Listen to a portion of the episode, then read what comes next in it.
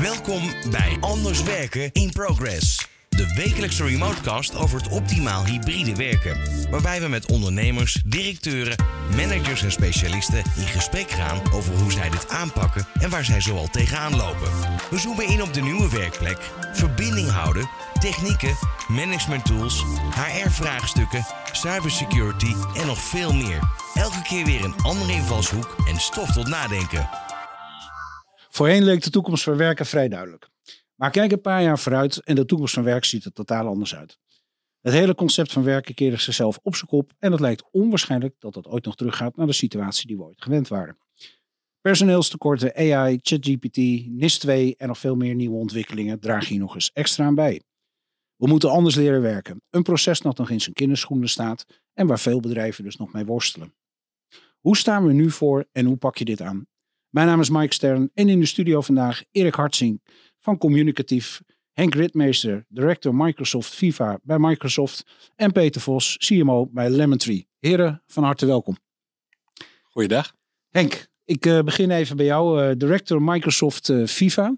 Nou, Microsoft kennen we natuurlijk allemaal, maar FIFA misschien niet voor iedereen even bekend. Kan jij iets meer vertellen over wat je doet binnen aan Microsoft en welke rol FIFA daarin neemt? Ja, Microsoft is natuurlijk bekend van de software en heel recent is uh, AI Copilot het grote ding. Uh, dat is de technische focus.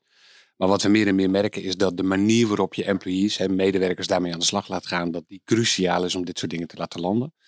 En Viva is eigenlijk wat wij noemen Digital Employee Experience om dat vorm te geven. Dus het focust zich op communicatie, HR, learning, uh, development enzovoort. Ja, daar gaan we zo even dieper op in.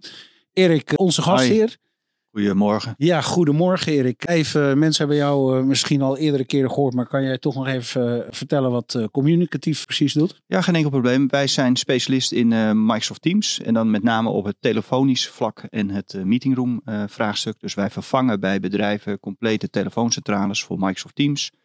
En, en ook de vergaderkamers en die maken we inclusiever met Microsoft Teams. Oké, okay, duidelijk. Komen we straks ook even op terug. Ja. En dan uh, Peter Vos, uh, Chief Marketing Officer bij Lemon Tree. Lemon Tree, Peter. Wat doet Lemon Tree precies? Ja, allemaal uh, prachtige IT-oplossingen, maar vooral het beheer. Dus het IT-beheer bij klanten.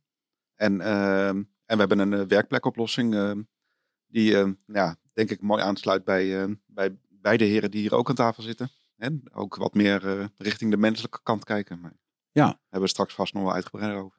Absoluut. Dat is ook de reden waarom we jullie in deze setting even in de studio neer hebben gezet. En ook inderdaad ja, die oplossing die jullie hebben gevonden. En met name zitten natuurlijk in een, eh, in een situatie dat er ontzettend veel gebeurt op dit moment. We zitten in een soort overgangsfase vanuit een pandemie naar een nieuwe manier van werken. Een nieuwe manier van werken, dat is natuurlijk op heel veel manieren in te vullen. En ik heb het net al eventjes in de introductie aangehaald. Uh, ja, dus in één keer hebben we met de pandemie gezeten. Toen kwam de oorlog in Oekraïne, uh, personeelstekort, AI, uh, ChatGPT wat er nu bij komt. Begin even bij jou Henk. Wat zie jij in de markt gebeuren op dit moment? Zijn er bepaalde trends en ontwikkelingen op de punten die ik net noemde, waarbij jij toch wel dingen echt ziet gebeuren? Je ziet dingen veranderen en tegelijkertijd niet veranderen. Dat is wel een beetje de rode lijn. Mensen verandert niet zo snel hè? Nee, dus de, het is natuurlijk frappant om te zien dat die files de pannen uitreizen. Ja. Oftewel de, de, de focus op we gaan toch weer met z'n allen terug, die is aanwezig. Dat wordt ongetwijfeld ingegeven door uh, het feit dat economisch uh, het spannender is. Door de dingen die je net noemde, oorlog en dergelijke. En je ziet dus dat we heel erg openstaan voor vernieuwing en innovatie onder uh, twee kernvoorwaarden. En dat is of het moet bijdragen aan de EBITDA, dus de, de winstgevendheid, of het moet fors kosten besparen. En dat is wel een trend die nadrukkelijk speelt. En daarin zie je dus ook tegentrends, namelijk dat we eigenlijk dat hybride werken super graag willen omarmen, maar vanuit de behoefte aan controle en efficiëntie dat niet altijd zo vormgeven als we dachten. Ja, nou ja, je haalt net dan natuurlijk een belangrijk punt aan dat ik zelf nog altijd met verbazing eh, kijk hoe we het eh, voor elkaar krijgen om juist op een dinsdag en de donderdag iedereen in de auto te proppen. En ja, het is al heel vaak aan de orde gekomen dat je denkt van ja jongens, dat kan toch wat slimmer en wat anders. Maar tegelijkertijd zie je ook wel dat bedrijven enorm aan het eh, worstelen zijn met invulling van het kantoor. Hè? En ook met name de bezetting, de werkplek, wie op welke dag, noem maar op. Nou, dan doe je het maar handig. Iedereen dan op dinsdag en donderdag naar het kantoor.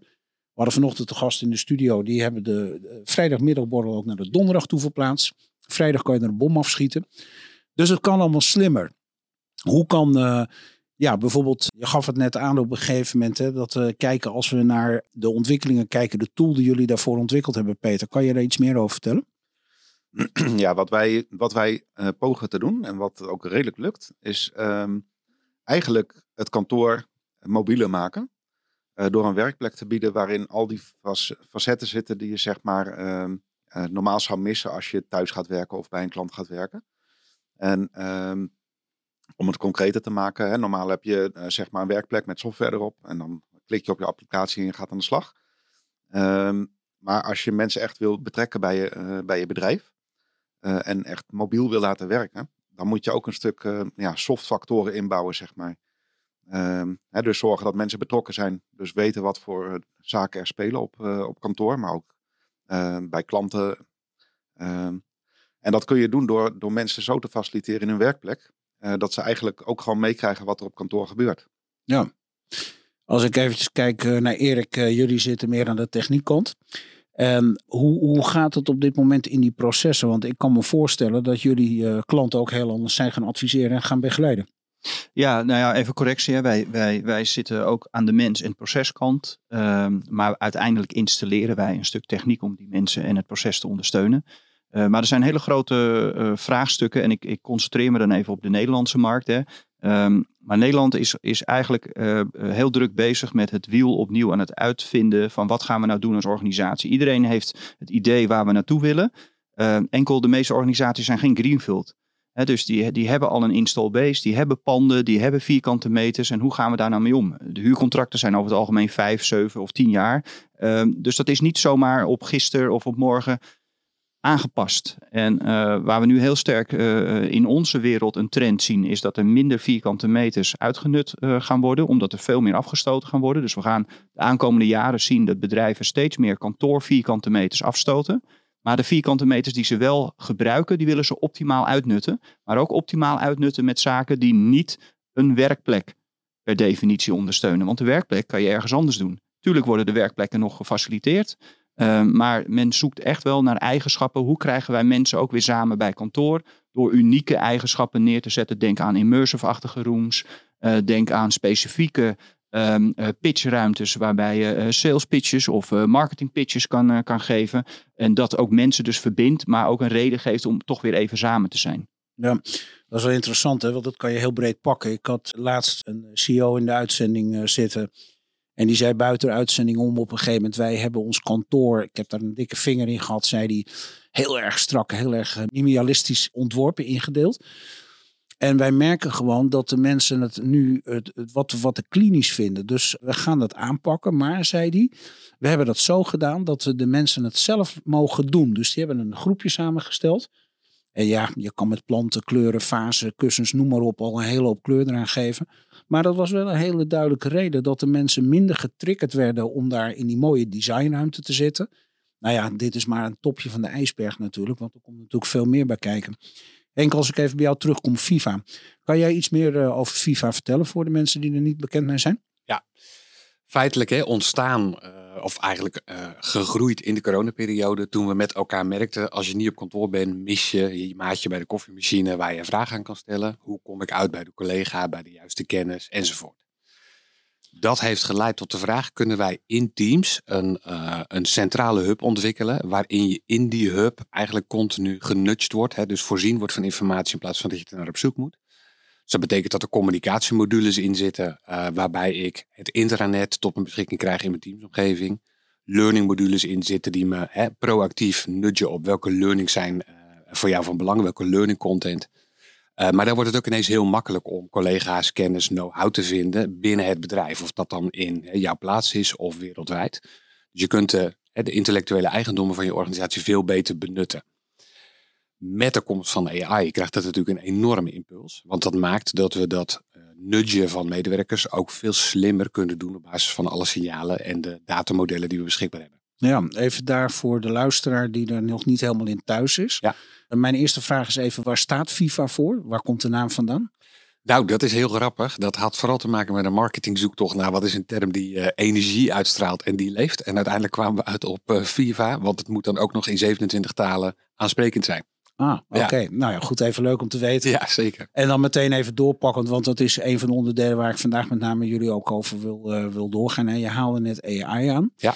Ik wil daar graag zo direct even dieper op ingaan. Als ik even bij Peter even terugkijk. eh, Peter, de tool die jullie hebben ontwikkeld. Hè? Want ik, ik hoor dingen die herkenbaar zijn, wat ook dingen zijn die in FIFA zitten. Ja. Het eh, teamen met elkaar, contact houden, eh, noem maar, maar op. Wat zijn aspecten die jullie eh, in die tool hebben gebouwd waarbij je zegt van nou dat vinden we belangrijk dat mensen op die manier ermee kunnen werken? Nou, eh, letterlijk eh, Viva Engage. Hè, dat is een soort, ik noem het altijd maar even het Facebook, maar dan intern. Hè, dat mensen eh, behalve gewoon werken ook de mogelijkheid hebben om met elkaar te interacteren. En, ja, kennis uit te wisselen, maar ook gewoon een grap te maken. Of ja, vergelijk het met Facebook. Wat doe je er allemaal? Ja, van alles en nog wat delen met elkaar. Net zoals dat je bij de koffiezetautomaten niet per se over je werk hoeft te hebben. Dus eigenlijk merk ik wat ik ook bij, eh, bij Henk terug hoor. Er wordt heel veel aandacht en moeite besteed om mensen meer in een comfortzone te laten zijn in een omgeving die niet per se eh, in de één op één communicatie zit, in de live communicatie zeg maar.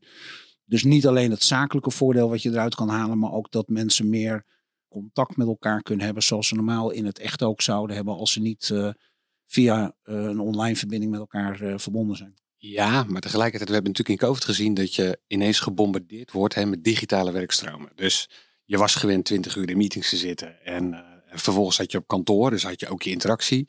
En in die tijd dat we thuis zaten, zaten we ineens 38 uur echt gefocust op wat komt er digitaal binnen. Ja. Nou, dan krijg je een enorme hè, work- work overload. Ehm, en daar zijn we met name mee aan de slag gegaan. Hoe kunnen we dit veel slimmer en intelligenter maken? En wat zie je dan? Er zijn heel veel plekken waar we wel graag naartoe willen. Hè? Nice to know. Maar die we niet echt ervaren als nodig. En wij vroegen ons op een gegeven moment echt af van, van hoe raar is het in dit digitale tijdperk is dat als je in de commerce wereld kijkt, hè, op het vlak van sales, we allemaal aan tellen zijn, hoeveel kliks moet ik doen om een product te kunnen kopen online? Maar als ik binnen, hè, ik ook gewoon heel eerlijk, de Microsoft omgeving iets zoek, ik wel twintig keer moet klikken voordat ik überhaupt ben waar ik wil zijn. Of dat nou gaat om zoeken, het internet, de communities, eh, maar ook de learning content. Hè. De gemiddelde organisatie heeft vier, vijf plekken waar je cursussen en learnings kan vinden. Voor legal, voor sales, eh, HR, compliance. En onze opdracht was aan onszelf, we moeten zorgen dat we het intelligent maken, dankzij AI. En zorgen dat mensen gevonden worden met content die voor hun interessant is, in plaats van dat je er continu naartoe moet. Ja. Dus wat we wegsnijden is de noodzaak om naar het internet te gaan. Dat komt naar jou toe in Teams. Eh, De, de, de cursussen die je verplicht moet volgen komen naar je toe. Maar op het moment dat we aan de manier waarop jij werkt zien, oh deze onderwerpen die zijn voor jou interessant of voor jouw collega's interessant. Dan vertellen we je al proactief, dit is een nieuwe lijn, een nieuwe trend. En hier kun je informatie vinden om je in te verdiepen. En ik klik zonder het te weten op learnings die in SAP staan of in Harvard Business Review staan of in LinkedIn Learning staan. Maar ik krijg het allemaal binnen in één omgeving. En het werkt seamless op mijn mobiel en mijn laptop. En daar zit een enorme winst in. Want dat betekent dat ik in een fractie van de tijd die ik vroeger nodig had om iets op te zoeken, nu eigenlijk heel proactief geholpen word op het moment dat ik het nodig heb. In plaats van dat de organisatie mij verplicht stelt om 1, 2 uur assigned learnings te doen. Hè, verplichte eh, leercurves. Ik wil daar zo even wat dieper op ingaan. Ik ga heel even terug naar Erik toe. Want Erik, als je naar de ontwikkelingen kijkt, ook met name AI, ChatGPT. Wat merken jullie ervan? En ik, met name, ik, eh, toen ik toen straks bij jullie binnen kwam lopen, zag ik een, een studio eh, waarbij de muren eigenlijk compleet eh, bekleed zijn met, met schermen. Vertel eens, hoe staan jullie erin en waar zijn jullie mee bezig? Ja, je ziet natuurlijk allerlei ontwikkelingen hè, op AI en, ehm, en, en Copilot, et cetera. Onderaan de streep zit er in heel veel Microsoft ecosysteemproducten. Dus een vergaderkamer bestaat niet alleen uit Microsoft producten, maar ook uit fabrikanten die het, het zegeltje Microsoft gecertificeerd hebben. Eh, en en die hebben een samenwerking eh, gevonden in bepaalde zaken. En daar zit dan een stukje technologie in verweven en een deel daarvan is AI. Ehm, wat wij altijd proberen is om dat soort dingen zo, zo simpel mogelijk naar, naar voren te brengen. Van hey, wat houdt dat dan in? Dus een, een hele simpele factor is, ehm, wij vinden over het algemeen ruimtes heel vaak heel hol klinken. En dat komt omdat ruimtes akoestisch niet goed ehm, eh, gebouwd zijn. Maar de architect die denkt daar niet over na. De architect die heeft namelijk een stuk schrijven waar hij aan moet voldoen. En dat bestaat uit, eh, volgens mij was dat uit eh, 2006. De, de NEN 7575 is dat even uit mijn hoofd. Ehm, en in 2006 hadden we nog niet eens een iPhone. Dus onze wereld is helemaal veranderd, maar onze, onze manier hoe we met geluid omgaan niet. Nou ja, en wat je dan ziet is dat AI bijvoorbeeld de geluidsaanpassing aanpast van een ruimte. Waardoor het dus niet hol klinkt en waardoor je je beter kan concentreren op de mensen die dus daadwerkelijk aan het spreken zijn. Voordat je dieper op ingaat, Erik, even voor de luisteraar. Hè? Want ik, ik wil het het liefst zo plat mogelijk slaan. En dat is ook de opzet van zeg maar, deze ochtend. Omdat met AI heel veel mensen hebben de klok horen luiden, maar hebben totaal geen benul waar de klepel hangt. Als je dit als specifiek onderdeel neemt, leg eens uit, wat doet AI dan precies? Ehm, in dit geval ehm, moet je je bedenken dat er een audio file is. Dus er is een stukje eh, bestand van, van een stem, hoe een stem natuurlijk zou moeten klinken. En machine learning analyseert op dat moment hoe jouw stem klinkt in de ruimte. En past dat En, real-time ver- aan? en vergelijkt dat met hoe het zou moeten klinken in een goede ruimte. Ja. En past het dan real-time aan. En het grote verschil is dat je dan een natuurlijke stemsound krijgt, geluid krijgt. In plaats van dat je bij de McDonald's eh, eh, staat te bestellen. Weet je wel, als je door zijn apparaat staat te praten. Dus eh, dat zijn allemaal, wij noemen dat even onzichtbare AI-tooltjes. ehm, die feitelijk wij, mens, ondersteunen zonder dat je daarbij na hoeft te denken. En dat vinden wij het mooist, persoonlijk. Ja, ik kom daar zo nog even op terug, want ik ben even benieuwd ook wat de toekomst op dat gebied eh, gaat brengen. Voordat ik daar even op doorga. Henk, FIFA, eh, wat zijn de invloeden van AI op het programma wat jullie ontwikkeld hebben? Nou, enorm. Maar die, die moet je eigenlijk vanaf twee kanten beschouwen. Dus nogmaals, super kort en simpel gezegd. Hè, zorgt die AI ervoor dat hij in de gaten houdt... waar ben jij in jouw werkomgeving, je digitale werkomgeving mee bezig? Wat is dan voor jou interessant? Of dat nou gaat om collega's, content, hè, learning content enzovoort. Wat veel belangrijker is, is als je kijkt naar AI, is het voor IT een, fantastisch eh, stukje technisch speelgoed om te implementeren. Er zit heel veel eh, denkkracht, capaciteit en, en ook wel randvoorwaarden in om dat aan te zetten. Maar de reden dat IT dat doet, is dat ik uiteindelijk als medewerker daar baat bij wil hebben. En ik weet niks van die techniek. Ehm, en dan merk je dat de implementatie van Copilot, hè, zoals wij dan onze AI noemen, totaal niet spannend is. Want technisch is dat het leren dat er één knopje is waar ik op druk. En dan activeer ik een AI-assistent die eruit ziet hè, als ChatGPT. Ja, even dat wat dat aangaat. Hè? Want ook uh, Copilot toe. Hè? En ik weet niet of dat in FIFA ook zo is. Maar eigenlijk eh, is dat een soort PA. Hè? Wat je voor jezelf eh, digitaal creëert. Dat is 100% PA. Dat Ja. is fantastisch. Hè? Dus Ja. of het nou gaat om, ik wil een PowerPoint creëren. Ik hoef niet meer na te denken over hoeveel slides en welke slides. Ik begin gewoon te typen in een tekstvenstertje. Ik wil een PowerPoint voor Mike Stern. Ik wil de volgende onderwerpen. Ik wil dit grapje erin. Maak. En hij maakt een PowerPoint. En dan de volgende keer, want het, het leert zichzelf ook. Hè? Eh, het ontwikkelt zichzelf ook. Dus een volgende keer als je dat vraagt. En je hebt een aantal aanpassingen gemaakt. Dan zal die, het niet meer, die aanpassingen niet meer doorvoeren. Het, het, het is zichzelf, blijft het zich onderhouden, zeg ik dat goed?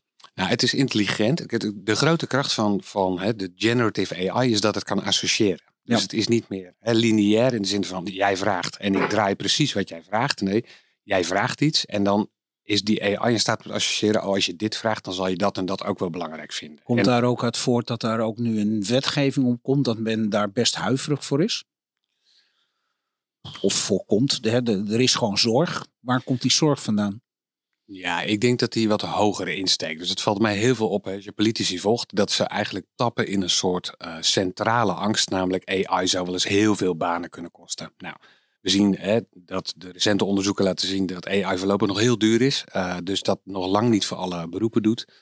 Eh, en we zien dat het vooral hè, de kwaliteit van werken fors omhoog brengt en het kan tijd besparen zonder dat het mensen gelijk overbodig en redundant maakt. Ja. Ik vind dat veel politici eh aan stemmingmakerij doen. Ik denk dat een eh, Amara's Law is iets die ik veel aanhaal. Die kennen we uit de hele tijd van opkomst social media. Daar zagen we ook dat we in de eerste drie jaar allemaal enorm overschatten wat het zou brengen.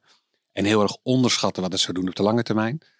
Eh, en ik zie hetzelfde bij AI. Ik zie dat het een tool is die de komende vijf jaar mensen nodig heeft om überhaupt zijn ding te kunnen doen. Het is een tool die je moet instrueren. In die vijf jaar zal die meer en meer leren en intelligenter worden. En, en dat is ook goed van politici, dat ze natuurlijk op de langere termijn kijken. Vanaf dat moment zal het steeds intelligenter worden. En dat betekent dat je nu al moet nadenken over de impact. Maar vervolgens gaan we soms vrij populistisch aan de slag alsof het morgen allemaal al verandert. Ja, en, Voorlopig nou, gaat het ons vooral helpen. nou, dat is fijn om te horen en daar zo moeten we er ook naar kijken. En laten we vooral niet vergeten, er zijn al heel veel bedrijven die al vanaf 2018 al met AI bezig zijn. Dus zo spectaculair en uit de lucht komen vallen is het ook niet. Sterker nog, AI is begonnen in 1956, Mike. Nou ja, goed, kan je Uh, dus dus uh, het is, we doen kan je daar een voorbeeld is. van geven? Wat de D 1956, even voor de luisteraar. Nou, we, we maken allemaal AI al mee, hè, om het iets dichterbij te houden. Maar sinds Google, Google is, hè, wij, wij hebben dan Bing als Microsoft, maar Google doet niks meer en niks minder dan, jij zoekt naar een olifant. Wat zijn de antwoorden op de vraag olifant die het best aansluiten bij wat mensen zoeken? En de top 10 daarvan, die bieden we steeds aan. Dat is machine learning. En dat Ja. was de vorige vorm van AI.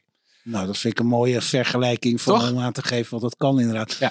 Peter, ehm, ik heb begrepen dat jullie vanuit Lemon Tree ook bijeenkomsten verzorgen om een, eh, management in een bredere setting ook eh, kennis met eh, dit soort dingen te laten maken. Kan je daar iets meer over vertellen? Nou, wij organiseren een, een training, een tweedaagse training voor ehm, cybersecurity. Ja. Ehm, nou zit cybersecurity vaak heel erg in het, eh, in het vakje IT. Hè? Eh, allerlei technologie om eh, systemen secure te maken. Ehm, en juist om die reden geven we een training voor managers. Dus ook niet-IT'ers. eh, om Is ze, dat op NIS 2 ook gericht? zeker, dat is een achterliggende gedachte. Hè? Want straks moet iedereen ehm, ja, security aware zijn. Ja. Dus bewust van alle gevaren. Dus dat moet je veel breder trekken dan alleen het IT-domein. Eh, dus hebben we bedacht samen met een partner van... joh, laten we een goede training organiseren... om ja, cybersecurity in de volle breedte binnen bedrijven wat meer aandacht te geven. Ja. Zie jij ook daarin eh, bepaalde toepassingen die je vanuit eh, AI daarop los zou kunnen laten? Bijvoorbeeld een assessment op je eigen bedrijf, want dat kan AI natuurlijk ook prima. Ja, we hebben een, een, een awareness programma. Dat is iets wat, wat bij gebruikers eh, eh, ehm, ja, eigenlijk continu wordt ingezet. Waarbij eh, AI wordt ingezet om te leren hoe slim iemand is. Dus iemand die veel verder en veel bewuster is op het vlak van eh, security. Krijgt veel moeilijkere opdrachten en lastigere mailtjes waar hij dan niet op mag klikken. Dan een eh, beginnende gebruiker die al in de, nou ja, de meest eenvoudige phishing technieken trapt. Ja, laten we ons niet vergissen, want die hacker die maakt inmiddels ook gebruik van AI. Daar staat iets heel bedreigends aan de poort. En wat dat betreft zie je ook wel als je naar op dit moment kijkt naar eh, NIS 2, wat dan eh, zeg maar nieuwe wetgeving moet worden, wat als het goed is aan het eind van het jaar doorgevoerd wordt. Laten we het even een soort certificering eh, noemen. Maar dan ook in de keten. Hè? Dus dat is een hele belangrijke. En je ziet tegelijkertijd dat, dat ook heel veel managers dat nog onderschatten. En zoals met cybersecurity vaak is voor zich uitschuiven. Ondergeschoven kindje wat onder op de stapel ligt. Zoals Cruijff ooit eh, zei. Wat je niet ziet, dat is er ook niet. Dus dat is wel heel erg goed dat jullie daar awareness eh, voor creëren. Ik kom daar zo direct nog even op terug. En ook even op de tool. Hè, want ik, ik wil ook even weten wat jullie ontwikkeld hebben. In combinatie wat Henk net vertelde van FIFA. eh, hoe dat op elkaar aansluit. Of, Ja. dat, of daar raakvlakken zitten. De- interessant om naar de diepte in te gaan. Ik kom even eerst terug nog bij jou, Erik. Als je kijkt naar AI in eh, dingen die jij net vertelde. Wat, hoe, hoe passen jullie je toe wat zie je in de markt gebeuren? Nou ja, in onze oplossingen is het toepassen zelf ehm, eh, is eigenlijk een automatisch gevolg van de, de productkeuze. En eh, de, de, de, de, de solution as die je kiest. In ons geval zijn wij een Microsoft huis, dus wij leveren Microsoft Teams. Nou, daar zitten allerlei eh, eh, AI-achtige eh, features al in verwerkt. Hè. Er zit Copilot, eh, kan daarin geïntegreerd worden. Maar er zit in, in bijvoorbeeld in Teams Premium zitten de mogelijkheden dat jij aan de achterkant door middel van eh, AI eh, je, je meeting kan eh, analyseren en wie wat heeft gezegd, et cetera. Dus daar zitten... Daar even, kan je dat voor de luisteraar iets meer uitleggen? Want je, je fietst er nu wel heel erg snel doorheen. En dit li- lijkt een beetje op Keep Smiling, Big Brother is watching you. ja. Maar leg dat eens uit van dat je terug kan kijken. Want AI kan bijvoorbeeld eh, in een nutshell een samenvatting van een meeting maken. En dan hoef je dat zelf niet meer uit te werken, niks. Eh, onder andere, kijk, eh, al, alles heeft te maken met hoe groot is je organisatie en wat is de cultuur in een organisatie. En wat bedoel ik daarmee? Hoe groter de organisatie, hoe, hoe sneller we zien dat er een grotere vergadercultuur is en dat iedereen maar overal bij aanwezig moet zijn. Of in ieder geval uitgenodigd wordt. En als jij dan drie meetings op dezelfde tijdstip krijgt en je moet eigenlijk bij alle drie aanwezig zijn, want de kennis is wel interessant wat daar gemeld wordt, eh, ja, dan heb je een uitdaging.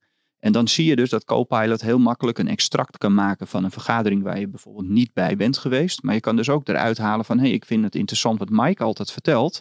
Dus ik wil expliciet weten, wat heeft Mike in deze sessie verteld?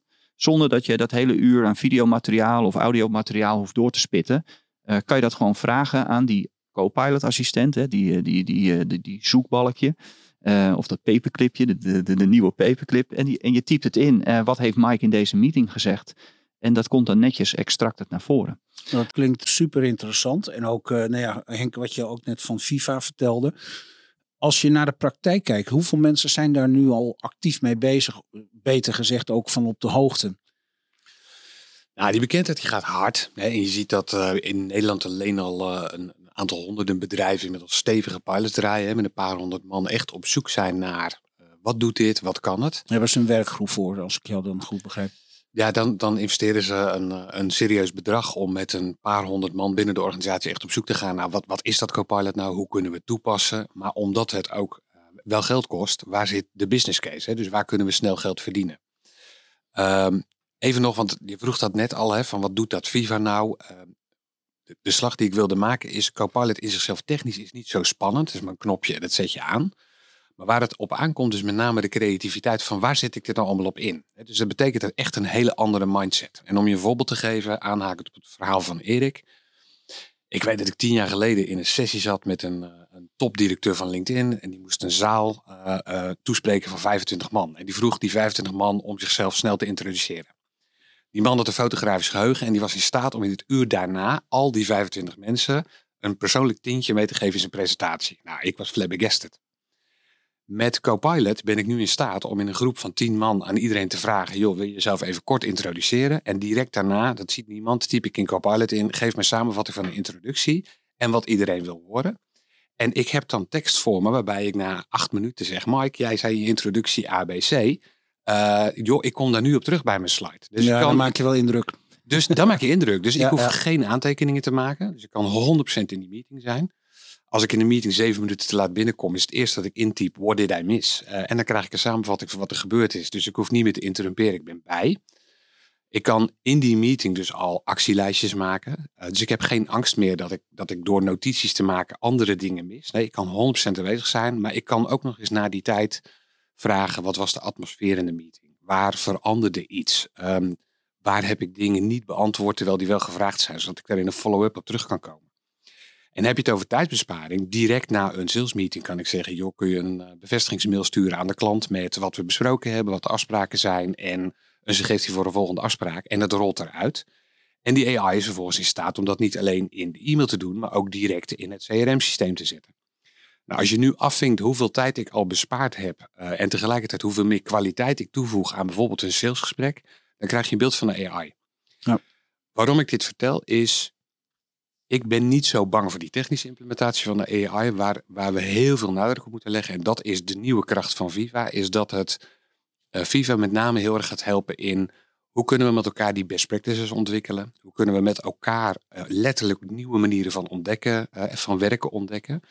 En drie, en dat is een mooie hashtag. Ik moet eigenlijk aan het einde geloof ik een uitsmijter geven, maar ik doe het nu alvast. Waar we ergens... Dan sluiten we ook meteen af. Ja, voor mij hoeft het niet, laat jou, Mike. Maar we hebben de afgelopen jaren natuurlijk heel veel energie gestopt. Altijd in creëren, dat is fantastisch. Hè? De mensen die kunnen creëren, nieuwe dingen kunnen bedenken, dat is fantastisch. Maar wat we zien is dat 99% van de nieuwe die, dingen die we bedenken vaak net weer een stapeling is van dingen die we al wisten met één of twee nieuwe verzetjes.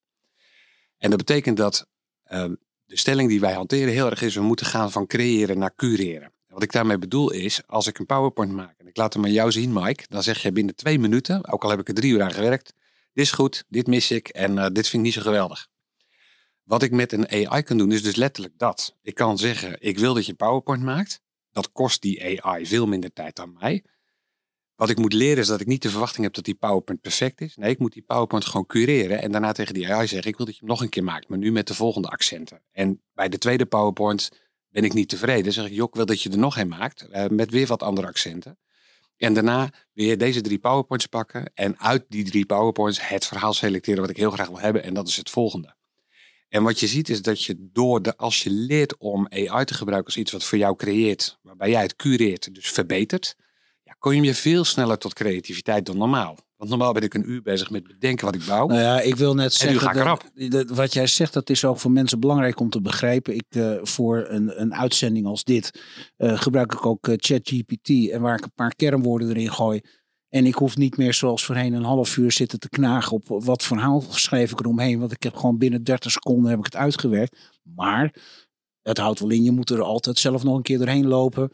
Of zoals jij zegt, Henk, eh, nog een keer een commando geven. Je kan natuurlijk ook kiezen, we moeten technisch, moet het down to earth, uh, moet ja, het... Nou ja, nog een stap ervoor, hè, want we gaan er maar vanuit. Hè. We krijgen eigenlijk een hele grote, dikke rekenmachine voor onze neus. En dan gaan we er maar vanuit dat we kunnen rekenen als persoon. En dat we weten hoe we die rekenmachine moeten aansturen.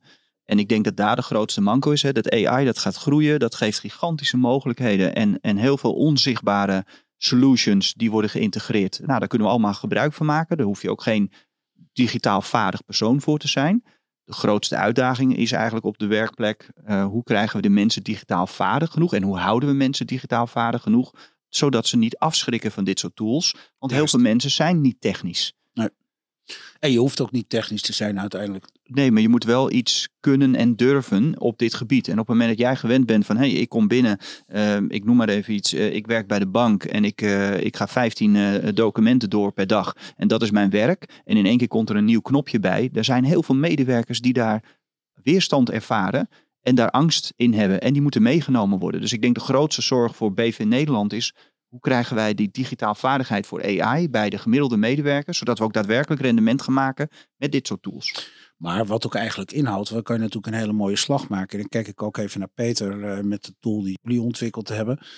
Het is natuurlijk het slimste als je dat doet door in dat hele proces met het nieuwe werken, alles wat erbij komt kijken, om daar natuurlijk alle AI-mogelijkheden die er zijn direct in te implementeren. Want dan maak je die slag eigenlijk in één keer.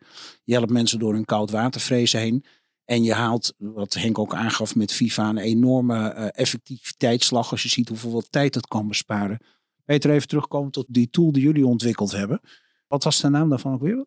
OneDrive Mobile. Ja, en, en op welke manier implementeren jullie dit en zetten jullie dit op, uh, in de markt neer, even in het kader van wat we net gehoord hebben? Nou, OneDrive Mobile bestaat voor een groot deel uit uh, Microsoft 365.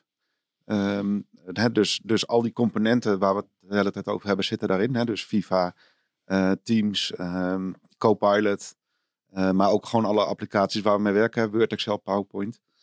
Um, onze filosofie is een beetje van, joh, je krijgt heel veel ingrediënten. Um, maar de taartbakken is nou ja, besteed aan de mensen die, uh, die zeg maar echt met ingrediënten taart kunnen bakken. Hè? Want voor een hoop gebruikers is het best ingewikkeld. Van ga ik nu chatten in Teams of ga ik, um, um, ga ik iets in FIFA doen of ga ik iets met um, Outlook doen. Of, hè, dus die, moet je een beetje helpen van hoe werk je nou met zijn omgeving. En nou ja, daarom hebben wij iets ontwikkeld wat werken veel intuïtiever maakt. Uh, en veel meer uitgaat van hoe werk je. In plaats van, joh, hier heb je allerlei knopjes en druk maar wat en experimenteer maar. Uh, dus veel meer intuïtief. Je ziet gewoon iets voor je en je denkt van, joh, ik heb die collega nodig. Uh, en ik ga met hem communiceren. En of dat dan bellen is of Teams of chatten of wat we daar maar voor bedacht hebben. Uh, dat hoeft die gebruiker niet te weten wat er op de achtergrond gebeurt. Die wil gewoon communiceren. Ja, dat is hetzelfde dat je een fiets koopt. Dan wil je ook niet weten wat er in het lagerhuis van de trapper zit. Maar je wil gewoon weten dat die fiets lekker licht fietst en dat je er heel lang mee kan doen. Dus dat is, uh, ik denk dat dat belangrijk is. Dat brengt me wel direct op een ander punt. Als ik even naar jullie in het algemeen kijk. We zitten natuurlijk ook met een generatie uh, medewerkers, managers, die wat ouder zijn, die niet zo handig zijn met dit soort dingen. En je ziet een beetje dat sommige mensen ook een beetje de feeling en de binding kwijt beginnen te raken. Van, nou dat is niks voor mij, of uh, het niet snappen, of wat dan ook. Hoe hou je die erbij? Hoe zorg je, want die zijn natuurlijk ook belangrijk. En ja, als je met een wat oudere generatie te maken hebt die met social media ook al niet zoveel heeft. Hè, dat is voor de kinderen en de kleinkinderen, noem het allemaal op. Nou, ik zie jullie ook wel een beetje knikken van inderdaad dat het herkenbaar is. Maar die moet je wel aan boord hebben, want anders heb je straks een bedrijf wat scheef loopt. Hoe, hoe pak je dat aan? Hoe zien jullie dat? Erik, heb jij een idee erover? De verschillende leeftijdsgroepen, laat ik het zo zeggen, daar zitten in alle verschillende leeftijdsgroepen zitten mensen die niet digitaal vaardig zijn. Dat is per definitie zo. In sommige leeftijdsgroepen is dat iets meer omdat ze niet digitaal zijn opgevoed. Hè? Dus, uh, dat is een groot deel. Hè? Veel mensen die komen uit een ander tijdperk, hadden het te druk met een opleiding. Ja, maar er zijn natuurlijk een hele hoop mensen die dat wel wat, wat hebben aangeleerd en hebben ja. een bepaalde basisvaardigheid uh, gecreëerd. En vroeger was het nog met WP en Microsoft DOS bij wijze van spreken. Iedereen die heeft een, een PC voor zijn neus. Bijna iedere uh, werknemer heeft een PC voor zijn neus. Of je staat in een fabriek of doet iets anders. Maar anders heb jij een digitale werkplek in deze wereld. Per, per definitie. Um, en, en als je dus een applicatie bouwt, dan moet je daarover gaan nadenken. Hoe ga je daarmee om met die doelgroepen? Um, een voorbeeld is, uh, er werd net al gezegd dat FIFA met, met nadruk ook ehm, integreert in Microsoft Teams. wij hebben er bijvoorbeeld voor gekozen, wij, wij hebben een telefonieplatform, daar zitten receptiemedewerkers ook in te werken, hè, die, de, traditionele receptiemedewerker. En wij hebben het de, de receptieschil, dus de telefonieschil van de receptie, hebben wij ook in de Teams client geïntegreerd. Dat is een hele bewuste keuze, omdat ze worden geacht om te leren om met Teams om te gaan. Teams wordt hun, ja, een beetje hun Outlook, hè, dus hun nieuwe basisapplicatie. En laat het dan zo natuurlijk mogelijk zijn dat de andere applicaties die ze in basis gebruiken ook in Teams terugkomen. Dus dan heb je een one look and feel gevoel en dan heb je al een paar meters gewonnen. Aandacht, uh, je adoptieplan, maar voornamelijk de gedachtegoed, en dat hebben we al een keer eerder in een andere podcast ook aangegeven. Ik ben heilig van overtuigd dat wij naar een SLA moeten voor digitale vaardigheid. En wat bedoel ik daarmee? We zijn knijtergoed in het verkopen van een bepaald product aan een organisatie. Wil je voor de luisteraar even toelichten wat SLA is? Service Level Agreement. Maar ik, ik zal hem even in een, in een, hoe heet het, eh, in een, eh, in een context zetten. We, we zijn knijtergoed in het verkopen van, van softwareapplicaties of, of softwarelicenties bij Microsoft en dergelijke. We kunnen dan prachtig op papier zetten wat is de return on investment uh, en de berekeningen maken. En wat je net ook al aangaf Henk, uh, er zijn nu organisaties aan het, aan het kijken hoe gaan we Copilot als business case naar voren houden. Um, en zo werkt onze wereld. Maar uiteindelijk komt het er wel heel vaak op neer dat we een applicatie kiezen. Er is uiteindelijk een, een business case gemaakt. Eh, er wordt een Go gedaan, er wordt de applicatie van Lemon Tree of de applicatie van Microsoft gekozen. Maar op dat moment start eigenlijk, ik geef je op dat moment de sleutel van de auto. Maar ik heb de merkbeleving heb ik ervaren bij de verkoop. Maar de merkbeleving wordt pas echt ervaren als ik drie jaar ga rijden. Drie jaar storing heb, drie jaar eh, service krijg, et cetera. Maar in dat segment zien wij heel sterk dat er ontzettend veel bedrijven zijn die geven een training bij start. Terwijl onze markt ontwikkelt, nou ja, elke twee weken, vier weken komen er updates. Elke keer zijn er andere, andere gedachtegoeden en nieuwe ontwikkelingen. Dus die mensen moeten continu digitaal vaardig gehouden worden. En, en um, geef die mensen dan maar 3% van die training elke keer. Dat is één behapbaar. Hè? Dus, dus die mensen die voelen zich vertrouwd en ze groeien. Want als jij je vertrouwd voelt, dan ga je niet met hakken in de zand. Um, en het is een doorlopend continu proces waardoor mensen aandacht blijven krijgen.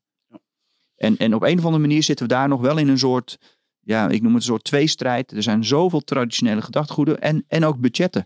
Er zijn ontzettend veel organisaties die weten wel Copilot uh, eh, 100 licenties keer een jaar uit te rekenen. Maar die missen dan uh, ja, het staatje ernaast. Hoe gaan we dan die 100 mensen een jaar begeleiden dat ze ook Copilot daadwerkelijk gaan gebruiken en goed kunnen blijven gebruiken? Ja, want dat is wel iets wat je op dit moment ook heel erg veel ziet. En veel bedrijven ook een inlandshaalslag hebben gemaakt Kijk ook naar jouw business, Erik, dat er voor godsvermogen aan ruimtes is ingericht. Mensen hebben er niet mee leren werken, vallen terug in oude gewoontes. Dus dat doen mensen eigen. En dat jullie ook de keuze hebben gemaakt om te zeggen: we gaan nu eerst de inhaalslag maken om terug te gaan naar de basic en de mensen ermee leren werken. Zodat je dan ook beter kan beoordelen van als je iets wil, hè, waar liggen de behoeften dan? Wat heb je dan echt nodig? In plaats van dat je zegt van uh, je richt je alleen op het inrichten van een, uh, van een ruimte. Nou ja, ja, maar rapportage kan er heel veel in helpen. Kijk, FIFA heeft ook rapportage. Uh, wij zijn bezig met een klant om een, om een dashboard te ontwikkelen. Waarbij wij kunnen zien of dat een agent, een, een, een, een medewerker in een, eh, een telefoniedienst. Um, daadwerkelijk wel een gezonde werksfeer heeft. Lees, krijgt hij de, de, hoeveelheid telefoontjes die hij normaal zou kunnen verwerken. Dus als wij weten dat een afdeling, een medewerker 22 telefoontjes per uur aan zou kunnen, dan moet er een alarm afgaan als die er 25 krijgt. Maar zeker als hij de 30 krijgt. En een keer een uurtje dat voorkomen, dat is allemaal niet zo erg. Maar wat zien wij structureel bij organisaties, is dat het niet een uur voorkomt, maar het, duurt, hè, het komt 100 uur van je 160 uur per maand voor. Ja. ja. en dan komen we in één keer met z'n allen bij de HR terecht met burn-out klachten en al dat soort dingen. Dus alles eh, heeft een verband met elkaar. Nou ja, en dat verband, want dat hoor ik ook wel vaker, dat schijnt ook dat er ook uh, ontzettend veel informatie uit uh, Office 365 te halen is qua data. Dat bedrijven dat ook steeds meer gaan doen. Hè. Een van onze partners, Veltoon Companies bijvoorbeeld, ook een van die daar echt in gespecialiseerd zijn om te kijken, hey, wat kunnen we voor informatie uit die organisatie halen? Want die informatie is natuurlijk enorm belangrijk om ook je, je, je strategie op te bepalen, uit te zetten, producten, diensten te verbeteren, noem allemaal maar op. Henk, als ik uh, even naar jou kijk, uh, jij hebt de takeaway al afgeschoten. ja. in zover ben ik trouwens nog niet hoor, dat ik al die, eh, daar naartoe wil gaan. Maar ik heb wel een andere, even een interessante vraag voor je. Als jij nou over uh, 10 of 15 jaar de periode zou omschrijven waar we nu in zitten. Hoe zou je die, denk je, in de toekomst omschrijven?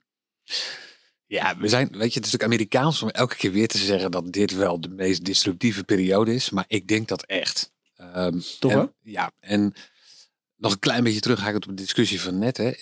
Um, ik heb helemaal niet de indruk dat ouderen zo verschrikkelijk veel moeite hebben om die nieuwe technologie te omarmen. Sterker nog, als je kijkt naar de snelheid van adoptie, is dat nog nooit zo snel gegaan als nu. 100 miljoen gebruikers in, ik geloof minder dan twee dagen. Ja. Uh, dat is ongekend. En dat laat zien dat ouderen een mechanisme hebben ontwikkeld waarin ze zeggen, ja, ik ben best bereid iets nieuws te omarmen, maar ik heb twee dingen nodig. Eén, het moet een duidelijke win zijn. Je hebt mij niet zomaar overtuigd. En twee, het moet niet te bedreigend zijn. Het, ik denk dat het grootste risico wat we met z'n allen lopen, is dat we als techneuten dingen over gaan compliceren. Dus we praten allemaal op dit moment over, je moet leren prompt engineeren, terwijl ik heel eh, veel tegen mensen zeg, vergeet die term, je moet leren vragen stellen. Je moet gewoon leren creatief vragen stellen. Kijk naar de CEO, kijk naar hoe die of een directeur, kijk naar hoe die zijn afdelingen aanstuurt om informatie op te halen en zijn speech voor te bereiden, zijn presentatie te maken of haar. Uh, want dat is wat die AI voor jou kan doen. Die kan heel veel dingen voor jou doen die jij eigenlijk niet leuk of routinematig vindt. Maar dat uitleggen en mensen dat leren en die creativiteit aanreiken en laten zien ik kan beter en meer in plaats van ik word bedreigd. Daar gaat de, de, de snelheid van adoptie mee vallen of staan. Het tweede is, de kosten zijn belangrijk. Dus op het moment dat ik die AI inzet, zie je dat, dat bij testklanten, uh, nou, ik wil niet overdrijven, maar laten we dan geen 9 van de 10, maar 8 van de 10 mensen razend enthousiast is. Maar een bedrijf heel terecht zegt, van ja, als je twee uur bespaart op een dag, dat is mooi. Maar die twee uur gaat pas uh, waarde opleveren als ik die twee uur dan ook weer renderend kan inzetten. Dus als mensen twee uur gaan leren, is dat waardevol. Als mensen twee uur meer uh, tijd gaan stoppen in het verkoop, ja, dat levert het bedrijf meer omzet op. Dus we zitten nog in een periode waarin we aan het uitvogelen zijn. Eén, hoeveel tijd bespaar ik? Maar twee, als ik tijd bespaar, kan ik die dan weer extra rendabel inzetten? Dat is wat op dit moment heel cruciaal is. Van vogelen we dat uit? Je vraag is over 10, 15 jaar. Over 10, 15 jaar uh, verwacht ik dat we AI doodnormaal vinden. Uh, dat we gewend zijn aan het feit dat we allemaal een, een echte personal assistant hebben. Dat we veel meer tijd stoppen in reflecteren en nadenken over wat gebeurt er, wat komt er naar me toe, wat vind ik daarvan, wat voor andere perspectieven uh, kan ik daarop loslaten. Um, en hey, maar dit is echt een persoonlijke brainstorm. Ik vraag me soms wel af in hoeverre AI weer een beetje tegenwicht gaat geven aan het populisme. Omdat AI nou juist vraagt om continu reflecteren op wat je aangereikt wordt. In plaats van hè, die hele simpele statements uh, naar voren brengen. Dus ik ben wel benieuwd of dat ook op het ding als politiek klimaat, de manier waarop we denken, de manier waarop we kijken naar de wereld, of dat wat gaat veranderen, of dat ik het daar helemaal naast zit. We gaan het zien, Mike, over een jaar of 10, 15. Nou, dan spreken we elkaar ja. vast nog tegen die tijd. Peter, voor jou eventjes als takeaway ook voor de luisteraar. Jij hebt de, de tien geboden. We hebben er twee gehad inmiddels. Klopt. Ja. We hebben ook afgesproken dat we ze elke keer herhalen tot we het einde zaten. Hoe was je ook weer, Henk? Wat zei je toen straks ook weer van dat... Uh, dat Ik kan niet wachten. Hè. Het is vrijdag vandaag tot uh, hij toe is aan het elfde gebod. Hè. Het biertje in Antwerpen. Dat lijkt ja, mij ja, fantastisch. Ja, het elfde gebod. Maar we zijn pas bij drie. Ja. ja. We zijn pas bij drie. Ja, en uh, Peter, de eerste twee kan je nog even... Heb je ze zo goed in je hoofd zitten? Absoluut. Even refreshen welke twee dat waren? Ja, en anders gebruik ik gewoon Copilot. Hè? Dan gaat ja, dat weet toch niemand. Hè? Fantastisch. okay. nee, de, ja, dus als je een goede digitale werkplek wilt bouwen, dan was de eerste takeaway van hè, um, zorg voor een waanzinnige user experience. Uh, wat daarmee wordt bedoeld is, um, start niet op met een bureaublad van ja, welke fabrikant dan ook, maar start op met iets wat heel veel informatie geeft en mensen betrekt. Uh, de tweede was, uh, bouw de werkplek niet vanuit IT, maar bedoel het samen met HR en met de directie um, en natuurlijk ook met IT en communicatie. He, dus zorg voor een communicatieve werkplek waarin mensen nou, in een warm bad komen van je bedrijf. He, dus uh, ook een beetje merkbeleving meekrijgen en heel veel informatie en allemaal softe factoren dat ze ook een beetje happy kunnen werken. En dan is de derde, personaliseer de werkplek. En dat is, klinkt heel logisch, hè? Van, jij hebt waarschijnlijk hele andere behoeftes op je werkplek dan ik. Ja.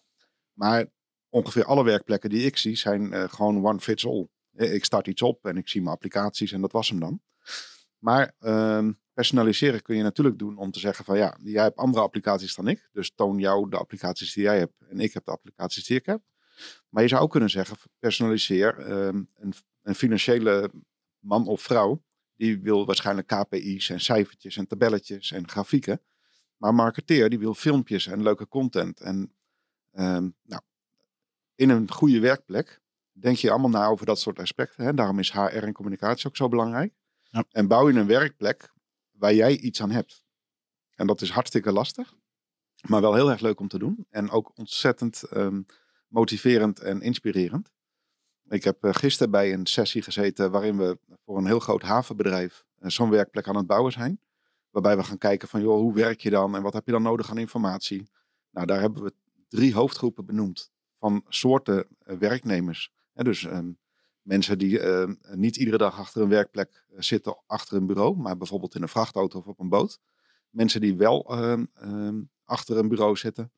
Uh, en daar hadden we twee types. En de ene is heel erg inhoudelijk bezig met logistiek. En de andere is heel erg bezig met bedrijfsprocessen. En in die drie persona's gaan we nu dus de werkplekomgeving bouwen. Dat iedereen de informatie krijgt die nuttig en handig en leuk is. Nou, daar is volgens mij nog heel veel over te vertellen, Peter. Dus we horen er graag over terug. Erik, even als afsluiter. Ja, wat, wat zou jij graag nog weer voor de luisteraar mee willen geven?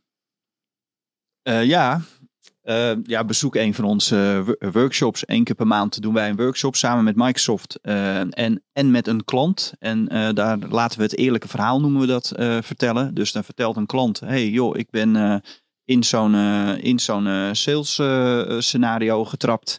maar wat heeft het dan daadwerkelijk geleverd naar de business? Maar wat heeft het ook vooral um, aan randvoorwaardelijke vraagstukken gebracht? En wat moesten wij op orde gaan brengen? Hè? Want ja, we, we, kennen de, de, de, onder Microsoft uh, heeft al die prachtige marketing flyers. En er staat altijd alles bigger, greater, better. Hè? Typisch Amerikaans, prachtig mooi. Maar wat houdt het nou echt in als je, als je een organisatie hebt waar allerlei silo's al actief zijn. En in één keer ga je wat nieuws brengen. Nou, dat eerlijke verhaal wordt dan hier gemeld of verteld door een klant. En dat doen we dan zowel de ene maand op, op telefonie en de andere maand op, op meetingrooms. Met alle inhoud erbij. En een hele hoop QA en een hele hoop ervaring kan je daar doen. Dus echt proeven, voelen, ruiken, zeggen we. Ja, nou, super interessant. We gaan ook tijdens de Week van het Anders Werken, het online event, ook dieper op de materie in. En natuurlijk tijdens de summit zelf uh, op 18 juni vanuit de rijtuigloods in uh, Amersfoort. Onze tijd zit er inmiddels op. Ik uh, wil je ontzettend bedanken voor ja, ons en zeker ook de luisteraar weer een stukje inkijk te geven in waar we staan, waar we heen gaan. En ik zie jullie heel graag op korte termijn een keer terug om uh, verder de verdieping in te gaan. Dank jullie wel. Leuk, graag gedaan. Leuk dat je weer hebt geluisterd. En volgende week zijn we weer met een nieuwe Remotecast. Deze aflevering wordt mede mogelijk gemaakt door de Anders Werken Summit en haar partners. Heb je een aflevering gemist? Of wil je zelf deelnemen aan onze live events en netwerken? Kijk dan voor meer informatie anderswerkensummit.nl